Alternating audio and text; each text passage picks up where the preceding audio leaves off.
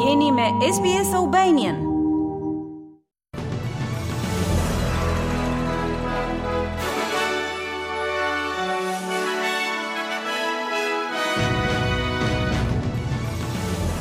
Në buletinin e sotëm informativ do të ndiqni. Qeveria federale ka vendosur të ndryshojë aktin e punës së barabartë për ta bërë barazinë e pagave një qëllim specifik. Një autokolonë diplomatike australiane është sulmuar në Bagdad. Dhe në sport, Nina Kennedy nga Australia Perëndimore ka arritur një vend të dytë në kërcimin me shkop për femra në takimin e Diamond League në Zvicër. Dhe vazhdojmë gjerësisht me lajmet. Kompanitë australiane janë forcuar pasi raportuan fitime më të larta gjatë vitit të kaluar financiar, pavarësisht valës së fundit të COVID-19, ndërprerjeve në zinxhirin e furnizimit dhe rritjes së çmimeve të mallrave. Megjithatë, rruga përpara nuk duket dhe aq e qetë. Analistët këshillojnë kujdes në lidhje me efektin e rritjeve të normave të interesit dhe sfidave të vazhdueshme gjeopolitike. Gati 90% të kompanive kanë raportuar të ardhurat e tyre vjetore ose 6 mujore dhe ekspertët ekonomikë kanë cilësuar një sezon fitimprurës për korporatat australiane. Fitimet agregate janë rritur 55.1% dhe rreth 63% e kompanive kanë raportuar të ardhura pozitive gjatë vitit. Qeveria federale është e vendosur që të ndryshojë aktin e punës së barabartë në vend për ta bërë barazinë e pagave një objekt specifik deri në fund të vitit. Reforma legjislative do të bëjë të lehtësojë rritjen e pagave në industritë me pagë të ulët të dominuar nga gratë, siç janë sektorët e kujdesit për të moshuarit dhe edukimit të fëmijërisë së hershme, dhe do t'i detyrojë punëdhënësit të jenë më të hapur me punëmarrësit në lidhje me barazinë gjinore në pagesa. Ministri i Punësimit dhe Marrëdhënieve në vendin e punës, Tony Burke, tha për kanalin Nine News Today se ndryshimet do të garantojnë që Komisioni i Punës së Barabartë të marrë parasysh hendekun e pagave midis burrave dhe grave kur bën ligje për normat e pagesave. At the moment in a lot of jobs, there can be contracts where you're not allowed to tell your other workers what you're earning. And it's a really common ploy where in workplaces where women are being paid less than men. Për momentin, në shumë vende pune mund të ketë kontrata që nuk ju lejohet t'ju tregoni punëtorëve të tjerë se çfarë fitoni. Kjo është një dredhi vërtet e zakonshme në ato vende pune ku gratë paguhen më pak se burrat. Ne duam t'i heqim qafe këto klauzola. Për momentin, diferenca midis asaj që paguhen burrat dhe gratë në Australi është rreth 14%. që do të thotë rreth dyqind e pesëdhjetë dollarë në javë më pak për gratë. Dhe nëse vërtet duam të bëjmë reforma në barazinë në paga, atëherë mbyllja e këtij hendeku midis burrave dhe grave është vërtet me rëndësi, ka thënë Tony Burke. Një grup i rëndësishëm biznesi ka bërë thirrje për një heqje të përkohshme të limiteve për vizat e punës dhe vizave të pushimeve.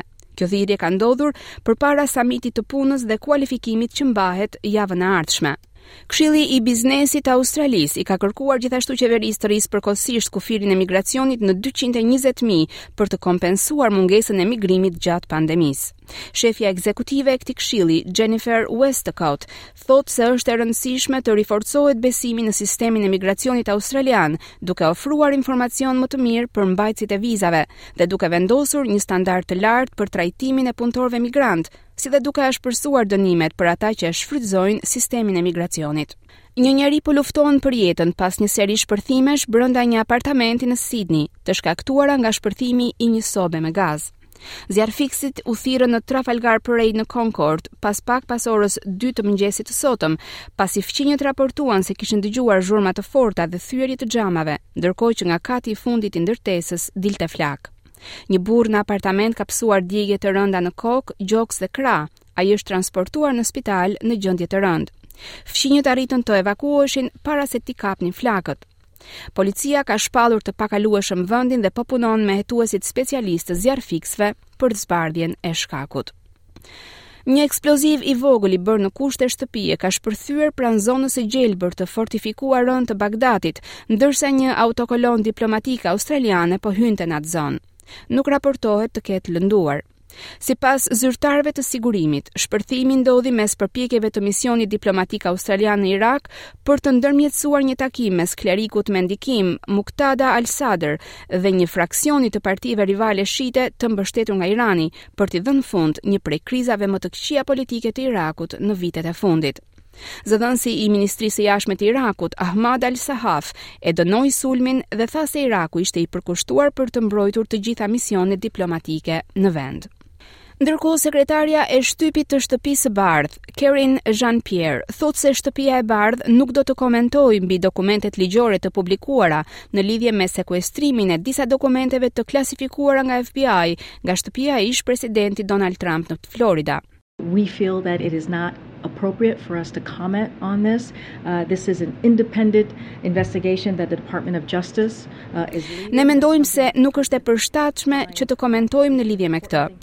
Ky është një hetim i pavarur që ka ndërmarrë Departamenti i Drejtësisë dhe presidenti e konsideron të rëndësishme të mos bëjë asnjë koment. Departamenti i Drejtësisë i Shteteve të Bashkuara publikoi një version të redaktuar të dokumentit ligjor që lejoi FBI-n të sekuestronte të dhënat e klasifikuara të qeverisë nga pasuria e zotit Trump në Mar-a-Lago. Pjesë të konsiderueshme të 23 faqeve të dokumentit prej 38 faqesh janë nxirë dhe një tekst prej 11 faqesh është plotësisht i redaktuar. Kërkimi në Palm Beach shënoi një përshkallëzim të rëndësishëm në një nga hetimet e shumta federale dhe shtetërore me të cilat përballet Donald Trump që nga koha e tij në detyrë dhe në biznesin privat. Ish-presidenti republikan ka sugjeruar se ai mund të kandidojë sërish për Shtëpinë e Bardhë. Ndërkohë Departamenti Amerikan i Drejtësisë ka shpallur se po heton ish-presidentin Donald Trump për marrjen e të dhënave nga Shtëpia e Bardhë. Departamenti beson se Trump mbante në mënyrë të paligjshme dokumente dhe në mes tyre edhe disa që përfshinin mbledhje të inteligjencës amerikane dhe burime klandestine njerëzore, të cilat janë ndër sekretet më të fshehta të Amerikës. Në deklaratë, një agjent i paidentifikuar i FBI-t thotë se agjencia shqyrtoi dhe identifikoi 184 dokumente me shenja klasifikimi që përmbajnë informacion të mbrojtjes kombëtare, pasi zoti Trump në janar ktheu 15 kuti me të dhëna qeveritare të kërkuara nga Arkivi Kombëtar i Shteteve të Bashkuara. Presidenti ukrainas Volodymyr Zelensky ka thënë se situata rreth termocentralit bërthamor të Zaporizhias mbetet e pasigurt dhe e rrezikshme. Koço, pit kresllë të shqo. I want to emphasize that the situation remains precarious and dangerous. Dua të theksoj se situata mbetet e pasigurt dhe e rrezikshme. Çdo përsëritje e ngjarjeve të djeshme, domethënë çdo shkëputje e stacionit Zaporizhias nga rrjeti dhe çdo veprim nga Rusia që mund të shkaktojë mbylljen e reaktorëve, mund ta vendosë stacionin një hap larg katastrofës. Kjo është arsyeja pse është thelbësore që misioni i Agjencisë Ndërkombëtare të Energjisë Atomike të arrijë në stacion sa më shpejt që të jetë e mundur dhe të ndihmojë në mbajtjen e centralit bërthamor nën kontrollin e përhershëm të Ukrainës, ka thënë Zelensky. Për çështjen e eksporteve të grurit, presidenti ukrainas thotë se 44 anije janë dërguar tashmë në pesëmbëdhjetë vende. Zelensky thotë gjithashtu se ka folur me moderatorin amerikan Jimmy Fallon për të kërkuar këshilla se si mund të tërhiqet vëmendja e popullit amerikan ndaj Ukrainës për një përcjellje më të mirë të fakteve rreth luftës në këtë vend dhe nevojës që ka për ndihmë. Të paktën 16% e fëmijëve të konfirmuar të vrarë në Ukrainë që nga përshkallëzimi i luftës 6 muaj më parë ishin nën moshën 5 vjeç, sipas organizatës Shpëtoni fëmijët. Nga njëzet e katër shkurti deri më dhjetë gusht, të paktën treqind e pesëdhjetë e gjashtë fëmijë kanë vdekur dhe pesëqind e tetëdhjetë e gjashtë janë plagosur, sipas Zyrës së Komisionerit të Lartë të Kombeve të Bashkuara për të Drejtat e Njeriut. Shumica e viktimave të verifikuara fëmijë ishin për shkak të përdorimit të armëve shpërthyese në zona të banuara dhe urbane. Në qytetin dikur plot jetë të Kharkiv, granatimet dhe bombardimet e pamëshirshme raportohet se kanë dëmtuar më shumë se 600 ndërtesa në muajin e parë të luftës, duke përfshirë çerdhe, shkolla dhe objekte të kujdesit shëndetësor. Në Sloviansk, këtë të premte një shkollë u godit nga një sulm rus. Ende nuk ka raportim për viktima.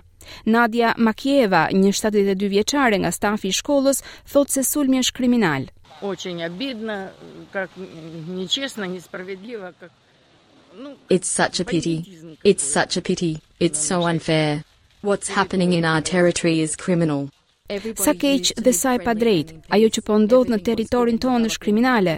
Të gjithë jetonin në miqësi dhe paqe, gjithçka ishte e mirë dhe në zhvillim, duke u përmirësuar për fëmijët dhe për qytetin tonë, dhe tani gjithçka është shkatërruar.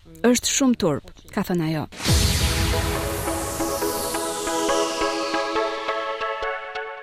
Dhe në sport, medalistja e artë e lojrave të Commonwealth, Nina Kennedy nga Australia Perëndimore, ka arritur vendin e dytë në kërcimin me shkop për femra në takimin e Diamond League në Lozanë.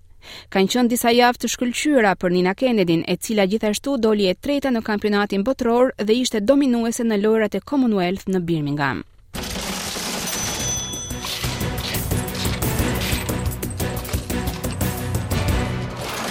Do të kalojmë tani në kursin e këmbimit të valutës australiane. Një dollar australian sot këmbehet me tetëdhjetë lekë shqiptare, zero pikë gjashtëdhjetë e nëntë euro, zero pikë gjashtëdhjetë e tetë dollarë amerikanë dhe me dyzet e dy pikë dyzet e tetë denarë të Maqedonisë së Veriut. Vazhdojmë me parashikimin e motit për ditën e sotme dhe të nesërme. Sot nëpër qytetet australiane janë regjistruar këto temperatura. Sydney 11-19, Melburni shtatë nëntëmbëdhjetë, Brisban dhjetë njëzet e dy, Përth njëmbëdhjetë tetëmbëdhjetë, Adelaide dhjetë nëntëmbëdhjetë, Kanberra tre gjashtëmbëdhjetë, Hobart shtatë pesëmbëdhjetë dhe Darwin nëntëmbëdhjetë dhe tridhjetë e tre gradë Celsius. Për nesër, byroja e parashikimit të motit sjell këto temperatura.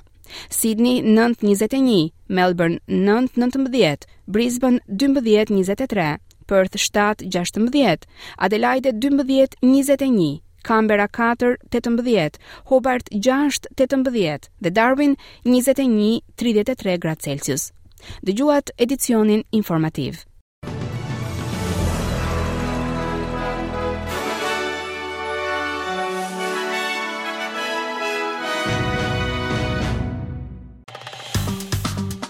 A ju pëlqeu ky reportazh? Për më shumë vizitoni Apple Podcast, Spotify ose faqet e tjera të podcast.